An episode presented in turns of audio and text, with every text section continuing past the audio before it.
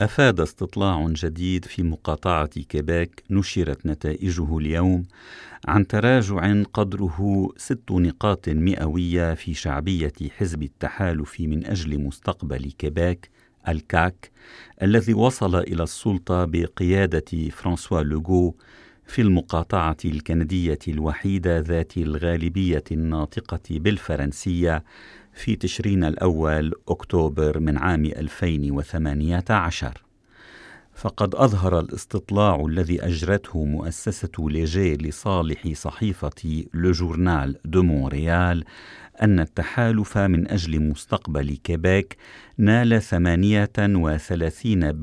من نوايا التصويت. يليه الحزب الليبرالي الكيبيكي الذي حصل على 27% منها فالحزب الكيبيكي الاستقلالي وحزب التضامن الكيبيكي اليساري الاستقلالي أيضا. وشمل الاستطلاع ألف ناخب كيبيكي وأجرته لجي بين الثاني والعشرين والخامس والعشرين من تشرين الثاني نوفمبر الجاري. وكان استطلاع أجرته ليجي ونشرت نتائجه منتصف آذار مارس الفائت قد أفاد عن حصول التحالف من أجل مستقبل كيبيك على 44% من نوايا التصويت مقابل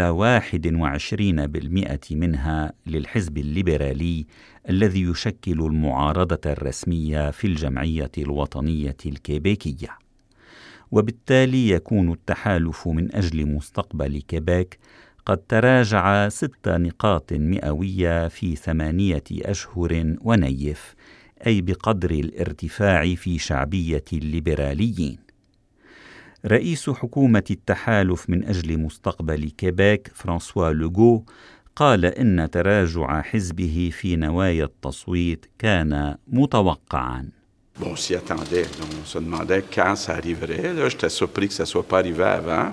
Maintenant, c'est jamais facile de faire des changements. Là, on le voit en immigration. On ne peut pas avoir tous les Québécois qui, euh, qui nous supportent. Là. كنا نتوقع ذلك وكنا نتساءل متى سيحدث ذلك وتفاجأت أن الأمر لم يحصل قبل الآن قال لوغو ردا على صحفي سأله عن أسباب هذا التراجع وأضاف لوغو ليس سهلا على الإطلاق إجراء تغييرات ونرى ذلك في ملف الهجرة.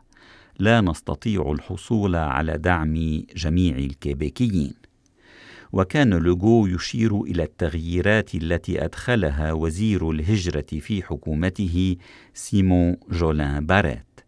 في عمليته الإصلاحية لبرنامج الخبرة الكيبيكية الذي يشكل طريقا سريعا لحصول الطالب الأجنبي على شهادة الاختيار التي تصدرها سلطات كيبيك والتي تضمن بدورها حصوله على الإقامة الدائمة في كندا.